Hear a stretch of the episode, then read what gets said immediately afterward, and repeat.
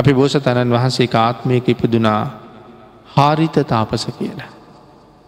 පංචාභිග්ඥාෂ්ට සමාපත්තිලාබී අහසින් යනේන මහා සිල්වත් තාපසේ. එක වස්සානයක ගමටාවා. ඇවිල් එක දවසක් රජ ගෙදරට පිණ්ඩ පාති වැඩිය.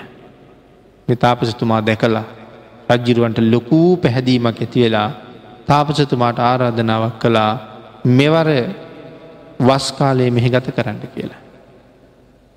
තාපසතුමත් එකඟ වුණා. රජ්ජිරුවන්ගේ අඹවයනෙ කුටියක් හදල දුන්නා. හාරිත තාපසිතුමා උයනෙ තියෙන කුටියට වෙලා බණ භාවනා කරගෙන ජීවත්වෙනවා. වස්කාලි. හැමදාම දානි වලදන්න රජගෙදරට වඩිනවා. එක දවසක් රජ්ජිරුවන්ට අහන්ඩ ලැබුණා රජ්ජිරුවන්ගේ රාජ්‍යයේ ප්‍රත්‍යන්ත දේශයක ටිකක් ඈත පලාතක කැරල්ලක් ඇති වෙලා කියලා. කැරල්ල මර්ධනය කරන්න රජ්ජිරුවන්ට යන්නක ඕන වුණා. රජ්ජිරුව කැරල්ල මර්ධනය කරන්න ගියා. හැබැයි යනකොට රජබිසවට කියල ගියා දේවිය තාපසතුමාගේ දානවේල ඔබේ අතින්ම හැදෙන්ඩුවනේ. සේවකයෝ හදන ආහාර පාන තාපසතුමාට දෙන්න එපා. ඔබම උයල්ල දෙන්න තරම්ම තාපසතුමාට ගරු කරනවා. එනිසා හැමදාම තාපසතුමාගේ කෑමවේල හදන්නේ රජ්ජිරුවන්ගේ අග මෙහිසිය. හැමදාම දං හදල පිළිගැන්වා. එක දවසක් දානය හදාගෙන බලාගෙන හිටිය බලාගෙන හිටිය තාපසතුමා වැඩිය නෑ. උන්වහන්සේ දාන වෙලාවට කලින් වඩීන කියල හිතලා දානටික මේසට ඇරල වහලා තමනුත් නාගන පිරිසිදු වෙලා ඉතාම දුහුල් ඇඳුමක් ඇගේ දාගත්තා උන්වහන්සේ ආපුහම ඇඳුම් මාරු කරගෙන යනවන කියලා චුට්ටක් ඇඳේ ඇල වුණා. නින්ද ගියා. තාපසතුමත් අහසිම්ම වැඩිය මාලිගාව ඉදිරි දොරවල් වහලා තිබුණ එකම තැන කැරල තිබුණ එකම එක ජනීලයක් විතර. උන්වහසේ අහසින් වඩින ගමම්ම ඒ ජනේලගාවට වැඩිය. හැබැයි ජනේලගාවට තාපසතුමා ලංවෙන්ඩ ලංවෙන්ඩ උන්වහන්සගේ සිවුර මේ හුළඟට ගැටෙන හඬ රජ දේවයට ඇහුණා. තාපසතුමා වඩිනවා වෙන්ඩෙයි කියලා කලබල වෙලා එක පාරම නැගිටිනකොට තාපසතුමත් හිටියේ ජනේලගාවමයි. දුහුල් ලැඳුමක් ඇගේ දාගෙන හිටියේ එක පාරම එක ගැලවිල්ලා බිමටම වැටුණ. ස්ත්‍රී ශරීර අවයාව තාපසතුමාට දකිින්ට ලැබු. අංගේ වෙලාවේ යටපත් වෙලා තියෙන රාගය ඉස්මතු වුණ. මේ දෙන්න අතර වැරදි කාම සේවනයක් සිද්ධ වුණ.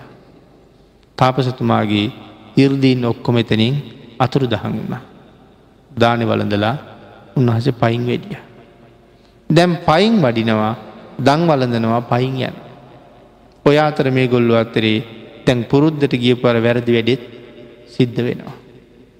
කොහොමරි මේක රජ්ජිරුවන්ට ආරංචි වුණා. මිනිස්සුන්ගේ ඇති මිනිස්සු දැනගත්තා ඒක කොහොම කොහමරි රජ්ජුරූගාවටම ගියා. හැබැ රජ්ජිරූ පිළිගන්නේ නෑ. රජ්ජිරුවන්ට ඊට වඩා තාපසතුමා සීයට පන්සීයකට වඩා විශ්වාසයි.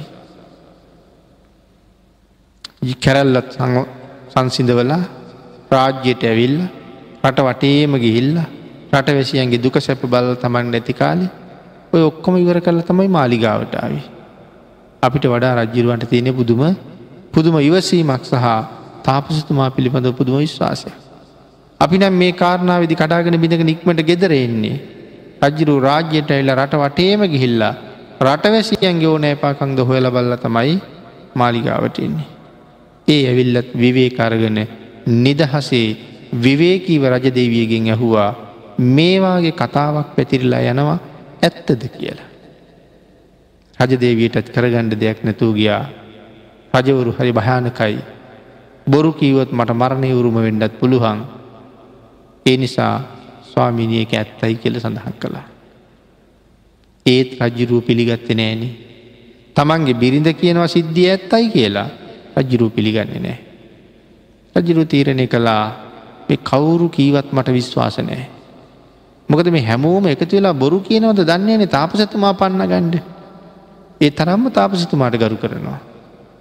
මම එක තාපසිතුමාගේ මහගන්නන් කියල විවේකිව වියනට ගිහිල්ලා වැඳලා ටික වෙලාවක් කතා බහ කර කර ඉඳලා ඇහු අස්වාමීනී මේවාගේ කතන්දරයක් හැම තැනම පැතිරිලා යනවා ඇත්තත් මේක.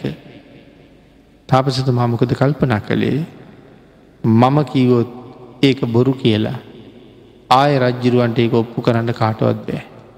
රජරු පිළිගන්නෑ කවුරු කීවත්. හැබ රජවරු කියල කියන හරි භයානක ජාතිය. අනික රජ්ජිරුවන්ගේ බිරිඳ පිරිඳ කියල කියන්නේ රජ්ජිරුවන්ගේ උත්තම බහන්ඩයක්. ඒ බිරිඳ අයතා ලෙස තව කෙනෙක් පරිහරණය කලා කියලා ආරංචි වුණොත් කේන්තිය ඒ තරම් වැඩෙන දෙයක් තව නැති තරම්. රජ්ජිරුවන්ගේ ඉනේ කඩුවත් තියෙනවා. ඔවු කියපු ගමන් මේ කඩු පහර මගේ හිස දෙපළු කරන්න පුළුවන්. කමක් නෑ. බොරු කීවොත් මට ලොවතුරා බුදු බව හම්බ වෙන්න. මරණවනං මැරුවාවි බොරු කියන්නේ. මහරජ ඒ කාරණාව සම්පූර්ණ ඇත්තයි කියලකිවා. රජරුව කේන්ති ගත්තද. රජරුව කේන්ති ගත්ත නෑ රජරු තාපසතුමාගෙන් ඇහුවා ස්වාමීනී මෙච්චර කල් ඔබ වහන්සේ ප්‍රගුණ කරපු බණ දහම් වලින් ලැබිච්ච ප්‍රඥාවට මොකද වුණේ කියලා. ආන්ගේ වචනයට තාපසතුමාට ගොඩාක් ලැජ්ජ හිතුව. එහෙම් මම බිම් බලාගෙන කුටියට ගියා. කසින මණ්ඩල එලියට ගත්තා. ඒක දිහා බලාගන්න භාවන වැටවා. පංච අභිග්ඥාෂ්ට සමාපත්ති නැති වෙලා තිබිච්ච සියලුම දිහානයන් නැවත සිල් පිරිසිදු කරගෙන උපදවා ගත්තා. රජ්ජුරුව තාමත් අර හිටපු තැන. තාපසිතුමා එතනින් මහසට පැන නැංග. පැන්න කළ රජ්ජුරුව ගාවට අහසිම් ඇවිල්ලෙක්ව මහරජය නොයායුතු තැනකට ගියපු නිසා මට වැරදුනා. ආය කවදාවත් මනුස්සවාසයට එන්නේ. රජ්ජුරුව වැඳගෙන අන්ඩ අඩා කියනවා ස්වාමීණී යන් දෙපා ස්වාමිනි යන් දෙපා මන්දාල යන් දෙපා කියලා. ඒ කීවට සඳහන් කළා නොගැලපෙන තැනකට ආපු නිසයි මට වැරදුනේ. ඒ නිසාමා යන්න මෝන කියලා අහසිම්ම යන්න ගිය.